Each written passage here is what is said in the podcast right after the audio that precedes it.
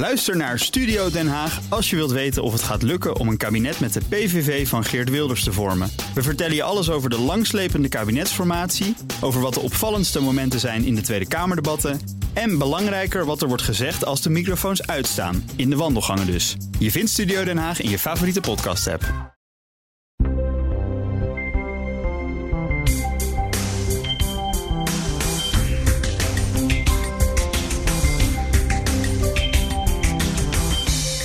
Daar zou iemand toch wat van moeten zeggen. Is dat zo'n zin die jij wel eens uitspreekt? Of misschien zeg je het niet, maar je denkt het wel. We zien vaak allemaal wel dat er een probleem is, maar we vinden dat een ander daar wat van moet zeggen. Waarom doen we het eigenlijk zelf niet? Je luistert naar de dertiende editie van Woordwaarde. In deze aflevering praat ik met teamcoach en spreker Gita Heins. En zij is ook auteur van het boek Aanspreken, gewoon doen. Hoe je nou echt een aanspreekcultuur creëert. Fijn dat je mijn gast wil zijn, Gita. Dankjewel, Maria. Leuk hier te zijn. Eerst maar even concreet voordat we de diepte ingaan. Uh, aanspreken, dat is niet een praatje maken of vragen hoe het met iemand gaat. Hè? Dan is er gedoe. Ja, dat gaat niet over je zit te hard te bellen terwijl ik ook in de open kantoorruimte zit. Het gaat over al die momenten dat je denkt: dit is toch niet normaal? Waarom zegt niemand hier wat van? Ja. Dus vaak gaat het over dingen die we onfatsoenlijk vinden, respectloos. Het heeft vaak met normen en waarden te maken, met ons ethisch kompas. Ja. Daarom worden we ook zo boos. Het raakt dieper. Het gaat een laag dieper dan feedback. En is het altijd mondeling? Ja, ja, aanspreken, tenminste als je aan mij vraagt hoe zou je het het best kunnen doen, ga dan niet op mail dingen zetten en ga niet appen. Dat vliegt eigenlijk altijd direct uit de bocht. Bij aanspreken heb je echt ook de non-verbale communicatie eigenlijk nodig. Ja. In ieder geval de toon. Ja, en dus ook het liefst face-to-face? Ja, als het lukt, zou ik zeggen graag face-to-face. Maar goed, in deze tijd, hè, we zitten nu in een coronaperiode, is dat natuurlijk lastiger. Ja. Maar dan zou ik zeggen, zoek er beeld bij. Of uh, in ieder geval de telefoon. Telefoon is ook een prima medium. Dan hoor je elkaar, je hoort de toon, dat is belangrijk. Jij hebt je gespecialiseerd hè, in dit thema met training, lezingen, uh, een eigen boek. Uh, Waarom eigenlijk? Ja, dat was een beetje een optelsom. Uh, ik deed op een gegeven moment een interimopdracht in een uh, grote onderwijsinstelling. En dan realiseerde ik me dat er heel veel gedrag zich voordeed waarvan ik dacht, en waarvan ik ook dacht: hè, is dit nou wel normaal? Is het wel handig? En het grappige was, als ik met mensen daarover sprak, zeiden ze allemaal: nee, dat is absoluut onwenselijk. Dat is niet effectief. Dat is dom. Het is uh, onfatsoenlijk. Alleen niemand zei er wat van. En als ik dan aan die mensen vroeg: waarom zeg je er niks van? Ja, nee, we zeggen het wel. Maar mhm. ik zag het niet en ik hoorde het niet. En ik realiseerde me eigenlijk dat in die organisatie bijna een niet-aanspreekcultuur was gecreëerd. Zo, we praten er wel over, mhm. maar we doen het niet. Nee. Dat was wel een belangrijke trigger. En een andere trigger was, uh, ik ben lid van een sportvereniging. En ik dacht altijd, ik ben heel mondig en ik kan heel goed feedback geven. En ik ben daar uitermate in getraind. Totdat er iemand in die vereniging kwam die gedrag vertoonde wat we niet gewend waren. Het was wat meer uh, kabaal en ja. wat dominanter dan wij gewend waren. Ja. En ik merkte dat iedereen in die vereniging dacht: dit is niet fijn, hè? dit is onplezierig. Maar wederom, niemand zei er wat van. En ik kreeg een half jaar later van het bestuur een mailtje. Wij hebben die persoon uit de vereniging gezet vanwege klachten van verschillende leden. Mm. En dat was het moment dat ik me realiseerde: Kita, jij doet het ook niet. Je denkt het wel, maar jij doet het ook niet. Nee, en ik voelde me daar heel schuldig over, want die meneer in kwestie had geen idee waarover het ging, nee. omdat niemand hem direct had aangesproken. En ik praat het een beetje goed voor mezelf, dat ik ook niks gezegd had. Door te zeggen van, nou ja, ik heb in ieder geval niet over hem geroddeld. Ik ben niet achter zijn rug om naar het bestuur gegaan. Ja. Maar het was wel een moment dat ik dacht, ja, het is toch veel lastiger dan we altijd gedacht hebben. Ja, ja zelfs als je er ingetraind bent, ja. het, het, duidelijk herkent. Ja, als je extravert bent, als je bestmoedig bent, als je heel integer bent, dan nog zijn er momenten waarvan je achteraf pas ziet ook daar heb ik het ook laten lopen. Ja.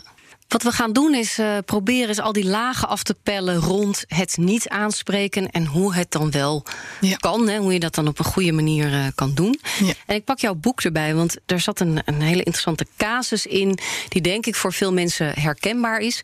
Uh, jij hebt naast een online onderzoek onder 500 managers, heb je daarbovenop ook nog soort diepte-interviews gedaan. Ja. waarin je in detail in gesprek bent gegaan hè, met, met mensen. En daar komt dit voorbeeld uh, ook uit. Ik ga een klein stukje voorlezen. Toen ik teamleider werd in het eerste bedrijf waar ik werkte, wilde ik mijn medewerkers helpen zich te ontwikkelen. Ik wilde inspireren, motiveren. En dan kwam het resultaat vanzelf, dacht ik. Ik nam Bram aan. Slimme, aardige vent, net van de universiteit. Al bij het eerste rapport dat hij opleverde, bleek de kwaliteit van zijn werk ver onder de maat. Nou, wat deed de teamleider? Die zei: um, Je hebt een mooie start gemaakt en ik ga je helpen om het beter te doen. Collega's om die Bram heen gingen eigenlijk hetzelfde doen. Hè, eigenlijk de hand boven het hoofd houden. En wat er ontstond was een proces van waar andere mensen ook slordiger gingen werken. Ja. Um, raakte misschien wel gedemotiveerd. Uh, het werk werd niet beter. En uiteindelijk moest de teamleider uh, met Bram op de tafel en zeggen: Ik moet afscheid van je nemen. Ja. En Bram had niks in de gaten. Het kwam als een donderslag bij heldere hemel. Ja. En hij zei: We hebben zo'n goede relatie. Waarom heb je niet eerder wat gezegd? Ja. Die onmacht. Ja. ja, en de teamleider die zegt: um, Ik dacht dat ik dood ging. En ik kon geen enkel goed antwoord bedenken. En op dat moment besloot ik lastige gesprekken nooit meer uit te stellen. Ja. Ik denk dat dit herkenbaar is uh, voor veel mensen die in een bedrijf of in een organisatie of in een team, dat kan natuurlijk ook op interim basis of als freelancer uh, werken. Als we nou eens terugspoelen. Ja. Uh, Bram is aangenomen. Aardige vent, net van de universiteit. Ja. En dan? Ja, dan is iedereen vol verwachting. Dan, uh, de hele team is natuurlijk vol verwachting en blij. Bram is enthousiast om te beginnen. Je hebt natuurlijk een goed gesprek gehad, goede intake. Dus je gaat ervan uit dat je goed gekeken hebt en dat je weet wie je in huis haalt. Ja. Tot dat moment zich voordoet dat iemand iets oplevert, wat een belangrijk onderdeel van zijn taak is, waarvan je denkt, joh, maar daar had ik niet juist voor aangenomen. Mm En dat is onder de maat. En dan is de vraag nog: is het onder mijn maat of is het onder de maat? Hè? Die geldt voor de organisatie. Dat is ook nog een interessante in dit gesprek. Ja. Uh, en de meeste leidinggevenden zullen het dan even aankijken. He, terwijl ze misschien eigenlijk al weten intuïtief gaat dit de goede kant op. Mm -hmm. Maar ze gaan helpen. He, dus je gaat je best doen om iemand wel op het niveau te brengen waar je dacht dat hij zat. Dus je gaat uh, nou, wat extra coachen, extra veel aandacht geven. Mm -hmm. En soms zie ik, en dat was ook in die organisatie waar ik je net over vertelde, dat een heel team datzelfde gaat doen. Dus die volgt dat gedrag van die leidinggevende. Ja. Die zien ook, deze collega kan net niet helemaal wat we hadden verwacht of gehoopt. Dus ze gaan ook helpen en ondersteunen, allemaal vanuit goede intenties. Maar er staat op, op een gegeven moment ontstaat er ook ergernis. Ja. En van joh, maar waarom moeten wij daar allemaal zo druk mee zijn? Dat is ook de rol van de leidinggevende. En op een gegeven moment kom je op het punt dat zo'n team denkt: waarom zegt hij er niks van? Of ja. waarom zegt zij er niks van? Mm -hmm. En je niet uitspreken als leidinggevende betekent gedogen. En ja. dus toelaten. Ja. En mensen zullen altijd denken, als jij je niet uitspreekt, dat het gedrag voor jou acceptabel is. Dus het is een hele goede vraag om jezelf af te vragen: wat heb ik de afgelopen tijd laten lopen en welke mm -hmm. gedragingen? Ja. En is het oké okay voor mij dat mijn team denkt dat ik daarachter sta, ja. achter dat gedrag? En als het niet zo is, zou ik zeggen: direct voor de draad ermee. Ja. ja, want wat je in dit voorbeeld zag, is als zo'n leidinggevende niet die betreffende collega aanspreekt, dat een heel team denkt: ja, dan kan ik de lat ook wel wat lager leggen. He, dan kan ik ook wel wat sneller mijn stukken insturen zonder de taalfouten te checken. Ik roep maar wat. Ja. Of dan kan ik ook wel een kwartier te laat komen he, als uh, ze nooit er wat van zeggen. Dus het is uh, negatief gedrag of niet effectief gedrag verspreidt zich vier tot zeven keer sneller dan positief gedrag. Dus als je het niet afremt, gaat dat heel hard. En je zult dus uiteindelijk zien dat zo'n heel team daarin meegezogen wordt en de lat ook wat lager gaat leggen. Um, de teamleider, die had eigenlijk misschien moeten zeggen, meteen bij dat eerste rapport: Joh, Bram, um, wat hield hem tegen? Waarom benoemde ja. hij op dat moment niet van: Oei, we hebben hier, we got a situation? Ja, ja. Ik weet natuurlijk niet precies wat hem op dat moment tegenhield, maar ik heb onderzoek gedaan diep in de biologie en psychologie. Dat was ook onderdeel van mijn totale onderzoek. Dus ik ben ook diep in de wetenschap gedoken hè, om me af te vragen waarom is het nou zo lastig.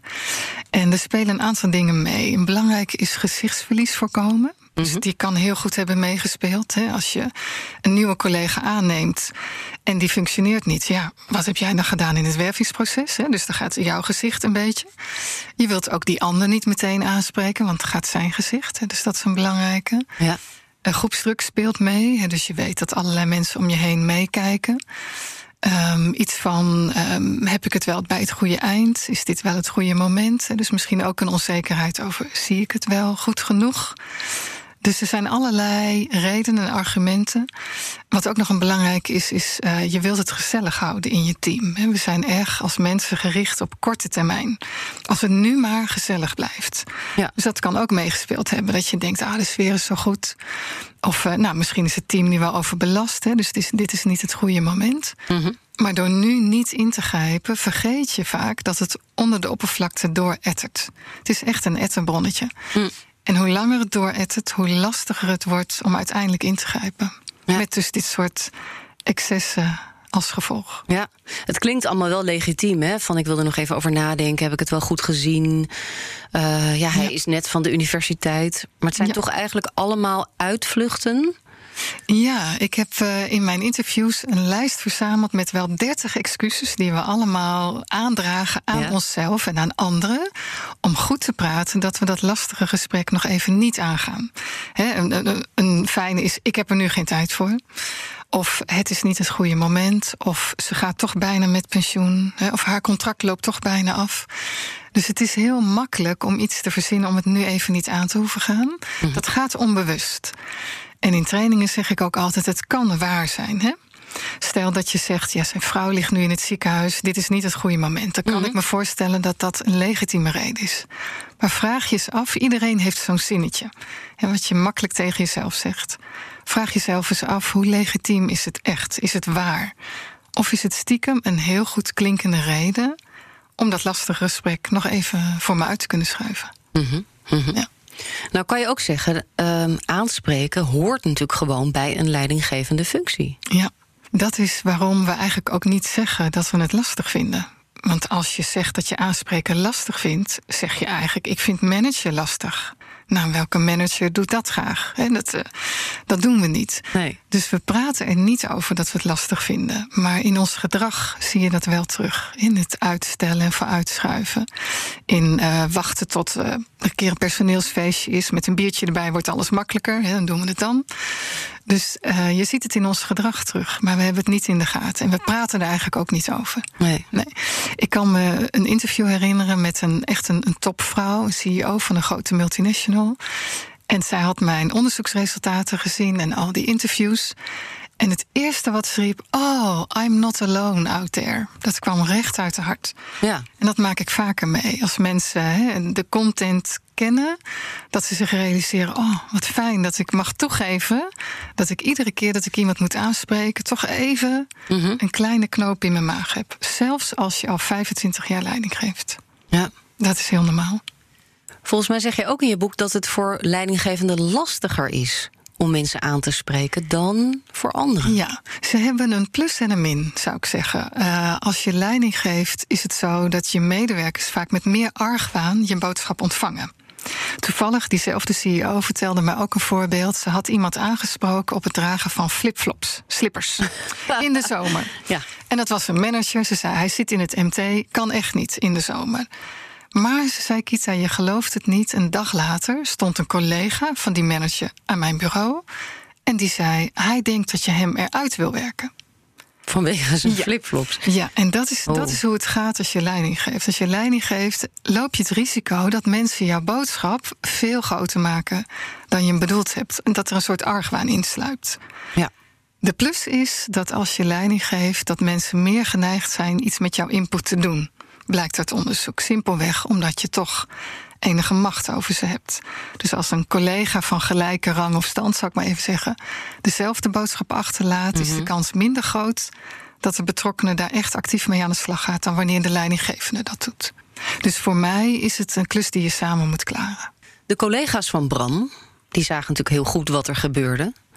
Ehm, hadden die wat kunnen of moeten zeggen? Ja, die dachten dat moet de leidinggevende maar doen. Dat denken we allemaal. We denken, we denken bijna allemaal, daar moet onze leidinggevende iets van zeggen. Of de voorzitter van het overleg, of het directieteam. Waarom grijpen die niet in? Dus ik vermoed dat zij gedacht hebben: dat is niet mijn verantwoordelijkheid. En die staat ook in dat lijstje met excuses. Mhm. Het kan heel waar zijn, hè? het is vaak ook waar dat het niet je verantwoordelijkheid is. Maar soms is het voor jou makkelijker om even tegen iemand die naast je aan het bureau zit iedere dag iets te zeggen dan een leidinggevende die een vergaderzaal moet reserveren, een uur moet plannen, dat helemaal groot moet maken. Ja, je denkt, oh god, de teamleider wil afspreken. Ja, en zo'n medewerker denkt, oh, ik word bij de leidinggevende geroepen, ik moet in een kamer gaan zitten en iedereen ziet dat. Dus uh, het kan enorm helpen als je als team die verantwoordelijkheid voelt. Ja. ja, dat je als er een collega even niet lekker in zijn vel zit of niet goed functioneert, dat je daar ook zelf eens een keer iets over vraagt. Ja. Je hoeft ook niet altijd te zeggen. Hè? Wat ook goed is, is aanspreken lijkt alsof we moeten praten. Maar voor mij bestaat aanspreken voor minstens de helft uit luisteren. Mm. Ik zou ook echt zeggen, bereid een vraag voor als je een aanspreekgesprek wilt voeren.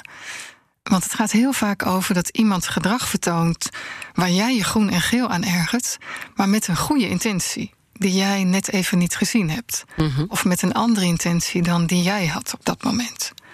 Dus het is, uh, ik zou zeggen, maak van aanspreken bespreken. Ja, want er zijn ook mensen die hebben ook gewoon moeite met het woord aanspreken. En dan gaat, dat Ja. komt al, kom je al in Ja. allergie. Ja, dat vinden we belerend en betuttelend. En daar zijn we het eigenlijk allemaal zeer over eens. Vinden we belerend en betuttelend. Mm. En zo willen we niet overkomen. We willen niet als een juf of meester of politieagent op de werkvloer rondlopen. Nee, dus als je zegt, ik vervang aanspreken door bespreken... dan voelt het al heel anders. Hè, bespreek het gewoon. Ja. Ja. Dan hadden de collega's van Bram eh, hadden Bram kunnen aanspreken. Maar zij hadden ook de teamleider kunnen aanspreken. Dit Ja. ontspoort.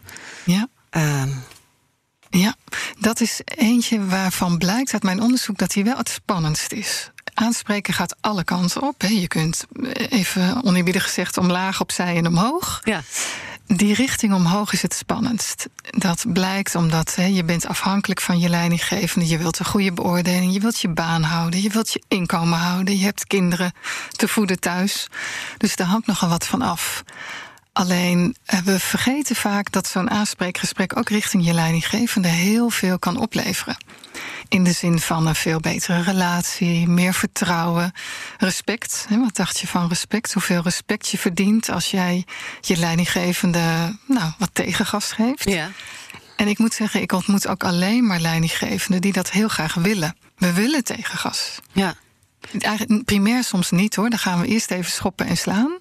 Maar eigenlijk zeggen we altijd, we leren daarvan. Dus je leidinggevende zal het waarderen als je dat doet. Ja, een Ja. van de CEO's in jouw boek zegt ook van... eh, ik krijg heel weinig tegengas. Ja. Eh, Alleen van vraag- puberdochter, hè? Ja, dat. precies. Ja. Ja. en ik, ik moet dus heel goed tussen de regels door leren luisteren. Ja, hij heeft ook zich aangeleerd om, daarom zei ik ook, je moet elkaar eigenlijk even zien. Mhm. Hij heeft zich aangeleerd om vooral goed te kijken. En minder, niet altijd te luisteren, maar vooral te kijken.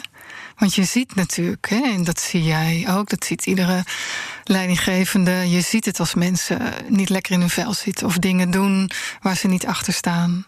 Of hun mond houden terwijl ze eigenlijk iets willen zeggen. Als je goed kijkt, zie je dat. Kun je het zien. Ja. Ja. Als we teruggaan naar Bram eh, Ja. en dat eerste gesprek. Wat had de teamleider kunnen zeggen? Hoe had hij dat kunnen aanpakken? Ja, mijn, mijn advies is eh, vaak slaap er wel één nachtje over. Het is helemaal niet erg om het even uit te stellen. Ik kan me voorstellen dat je bij het eerste rapport denkt... nou, ik geef hem nog even een kans. Maar wacht geen half jaar. Zorg dat je het eerder beetpakt. En als je het gaat uitspreken of bespreken...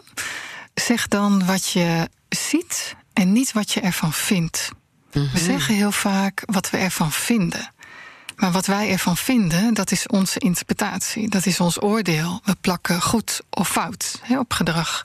Daar heeft die ander niks aan. Dat gaat eigenlijk alleen maar over jouw bril.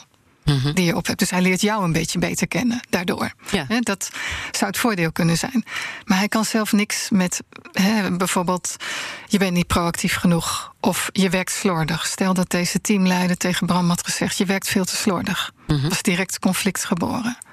Als ze had gezegd: Ik heb nu drie rapporten van je gezien. En het valt me op dat, nou, zo gemiddeld om de pagina nog een taalfout staat. Hè, of een woord mist. Nou, dan zouden ze daar samen naar kunnen kijken. En dan zou Bram bevestigen: ja, inderdaad.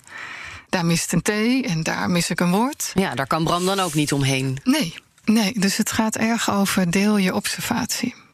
En in dit geval, ik zeg wel vaak ook, bereid ook een vraag voor. Wat was je goede intentie? Dat is in dit geval misschien een lastige. Hè? Wat is je goede intentie als je taalfouten maakt? Ja. Dat is een lastige. Bram kan heel goed ook dyslectisch zijn. Hè? Ja. Zou ook nog een verklaring kunnen zijn. Mhm.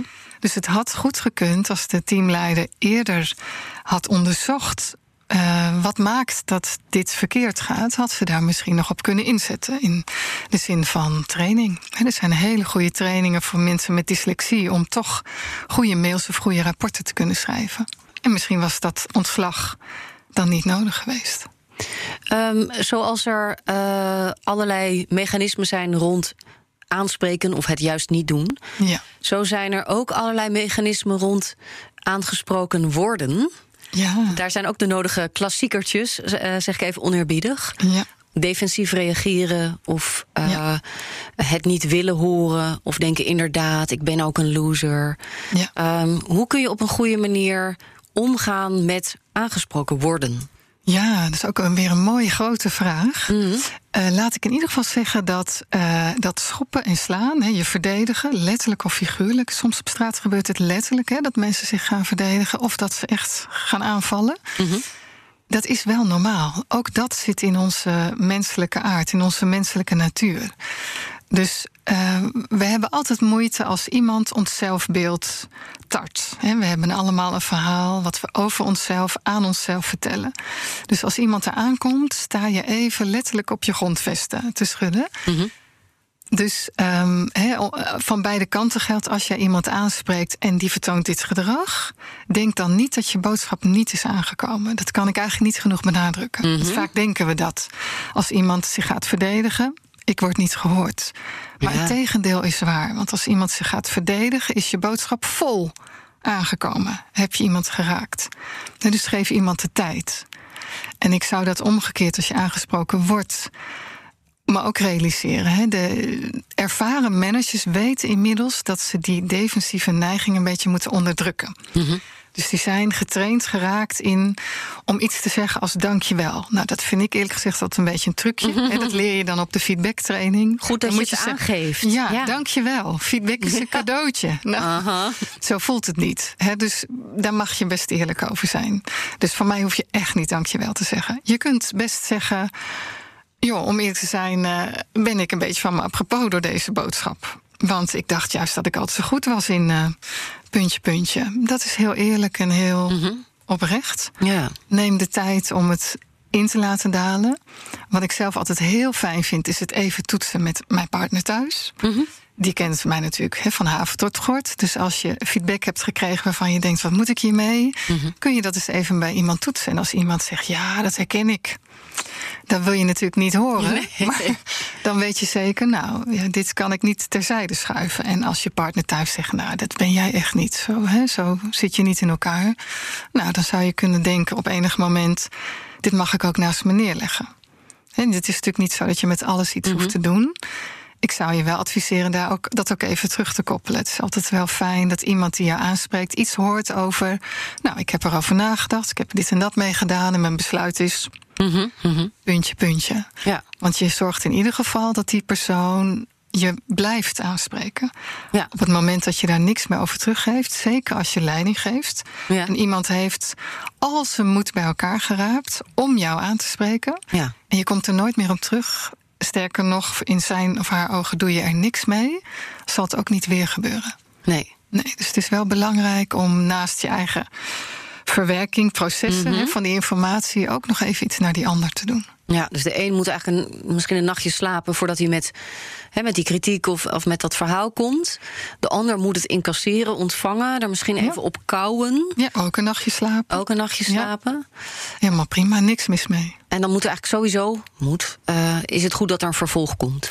Ja, ik heb, uh, mijn ervaring is wel dat zo'n eerste gesprek, omdat het zo lastig is, omdat we al die instincten van onszelf en die ander tegelijk moeten managen, gezichtsverlies, groepgedrag, korte termijn, pijn voorkomen, al die dingen. Dus het is veel tegelijk om te begeleiden. En je ziet vaak dat zo'n eerste gesprek makkelijk escaleert, omdat we stiekem toch een mening even op tafel leggen in plaats van een zuivere observatie. Of omdat we ons blijven herhalen terwijl die ander zich aan het verdedigen is en dat gewoon niet ontvangen.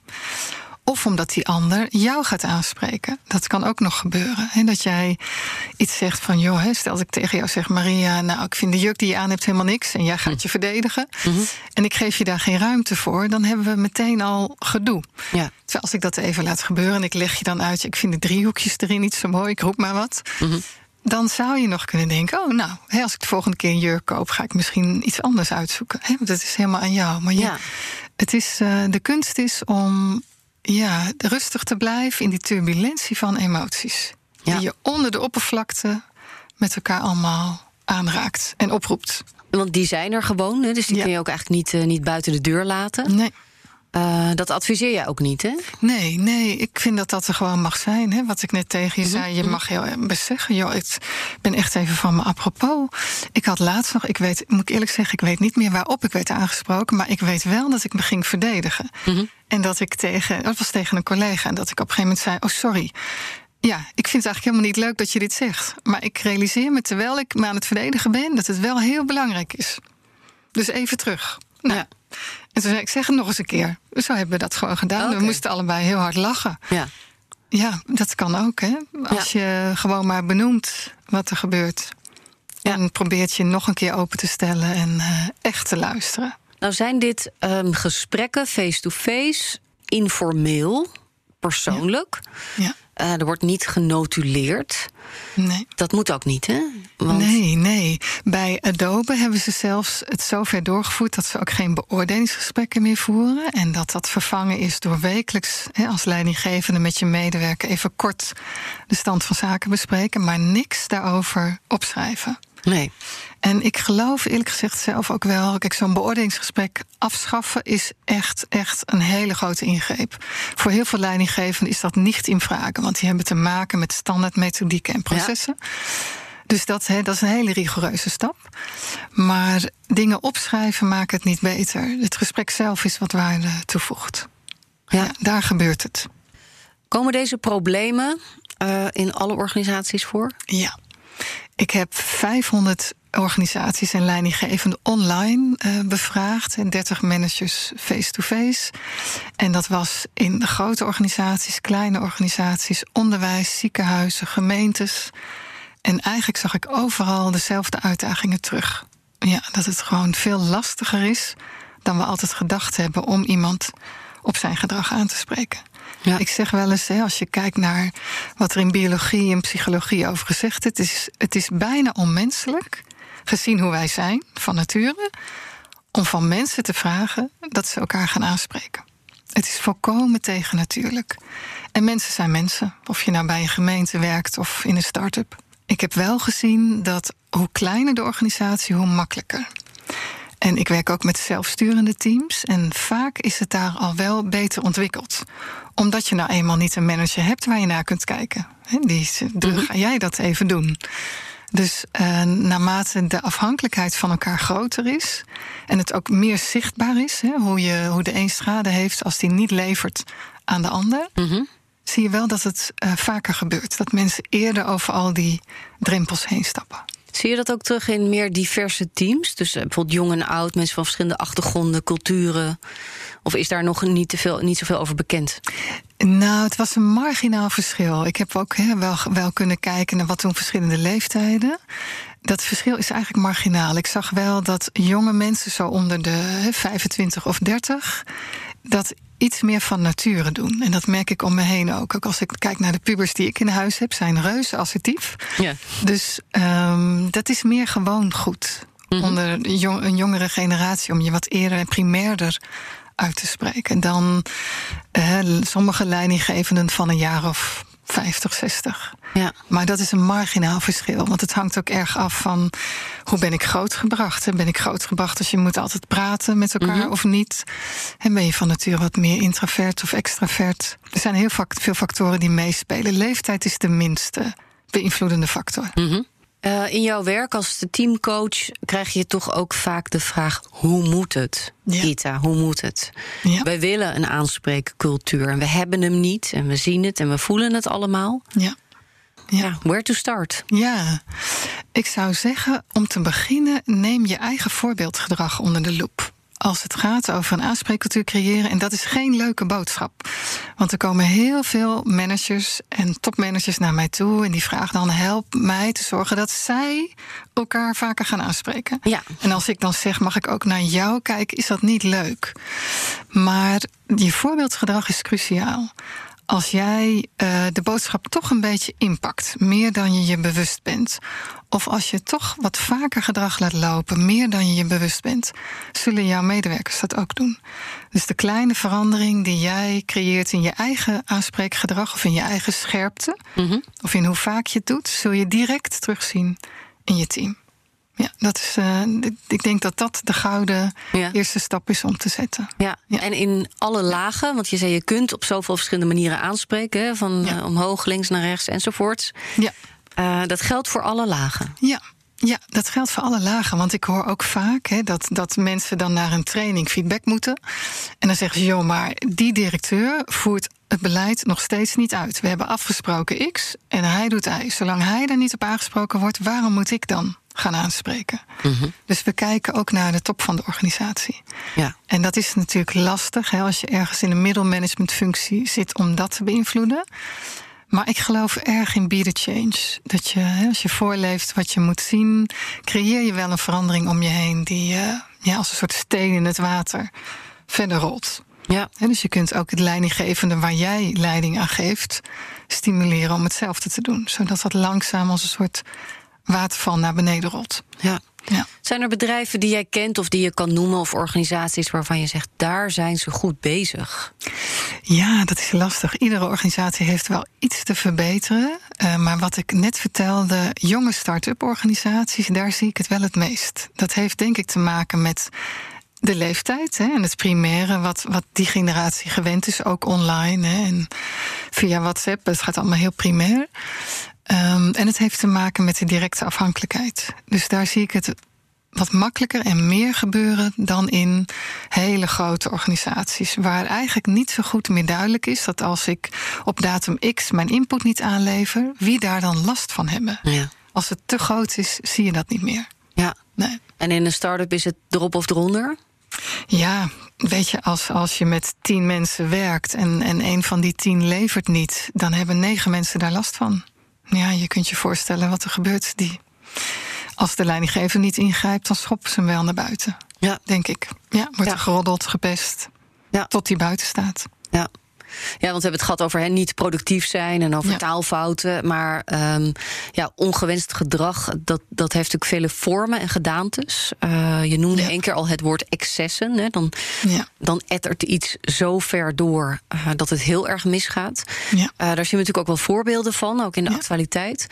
Um, hoe is dat in organisaties die juist heel hiërarchisch zijn? Bij Defensie bijvoorbeeld. Ja. En dan zeg je, ja, maar ik, ik wil echt met mijn goede intenties een aanspreken cultuur creëren. Ja, ja, Ga er maar aan staan. Nou, ik weet je, uh, laten we stoppen dat tegen elkaar te zeggen. Daar zou ik echt een pleidooi wel willen houden. Bij deze ook een oproep aan Mark Rutte om nooit meer te zeggen: spreek elkaar erop aan. Want mhm. dat zeggen is zinloos. We zullen eerst met elkaar moeten ontdekken waarom we het veel minder scherp doen, veel minder vaak of niet doen. Waarom we het laten lopen. Wat er in onze aard instinctief ons daarin afremt. En als je dat uh, ja, met elkaar wat scherper hebt, dan kun je daarop gaan sturen.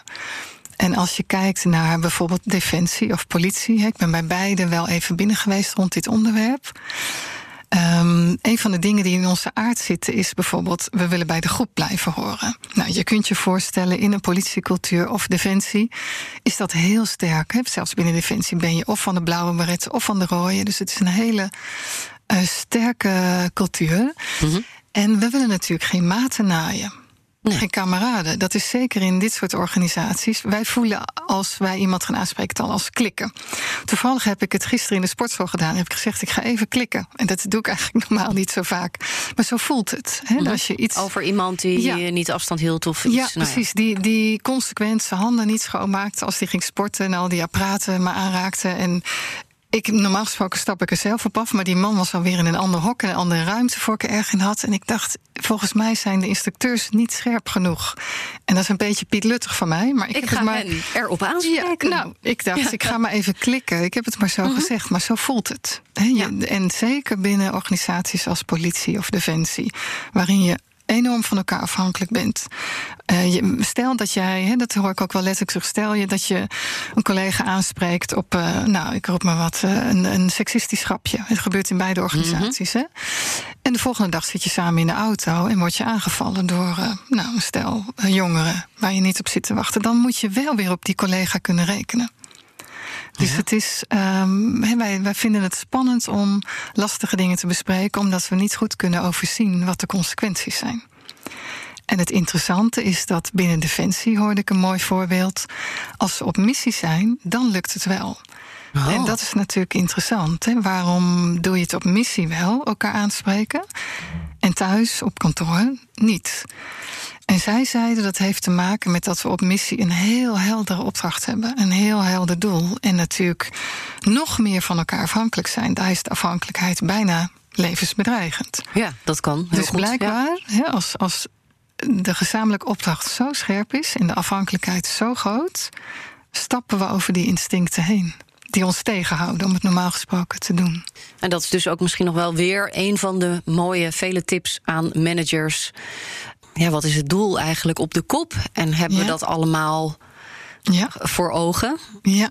Want je kunt wel zeggen, dit gedrag kan niet door de beugel. Maar als het wel bijdraagt aan de realisatie van je doelstellingen, dan heb je een lastig gesprek. Ja. Dus vraag je af, hè, bespreek dat ook met elkaar. Wat voor gedrag hè, is wel en niet acceptabel en waarom? En welk gedrag wat misschien niet heel wenselijk is, kan wel acceptabel zijn onder omstandigheden X of Y. De, wat acceptabel is, is heel contextafhankelijk. Op een borrel, personeelsuitje, is iets heel anders natuurlijk acceptabel dan, ik roep maar wat, in een radio-uitzending samen. Ja. dus um, ja, het, het is contextafhankelijk. Dus zelfs dezelfde collega's in een andere context kunnen weer ander gedrag acceptabel vinden. Dus het is een kwestie van dat gewoon bespreken. Bespreek het gewoon. Bespreek het gewoon. Ja. Gita Heins, dankjewel voor dit gesprek. Dankjewel, heel graag gedaan. Wil jij meer weten over het werk van Kita? Dan moet je even de show notes checken. En die vind je op bnr.nl slash podcast slash woordwaarde. Eigenlijk wilde ik geen zomerstop houden. Maar de afgelopen maanden waren rommelig door COVID-19. En ik moet me ook weer een beetje opladen voor een druk laatste kwartaal. Dat hoop ik in ieder geval. Dus ik pieper in augustus tussenuit. In september dan is er weer een nieuwe aflevering. En in de tussentijd kun je natuurlijk altijd de eerdere afleveringen van Woordwaarde terugluisteren. Tot in september.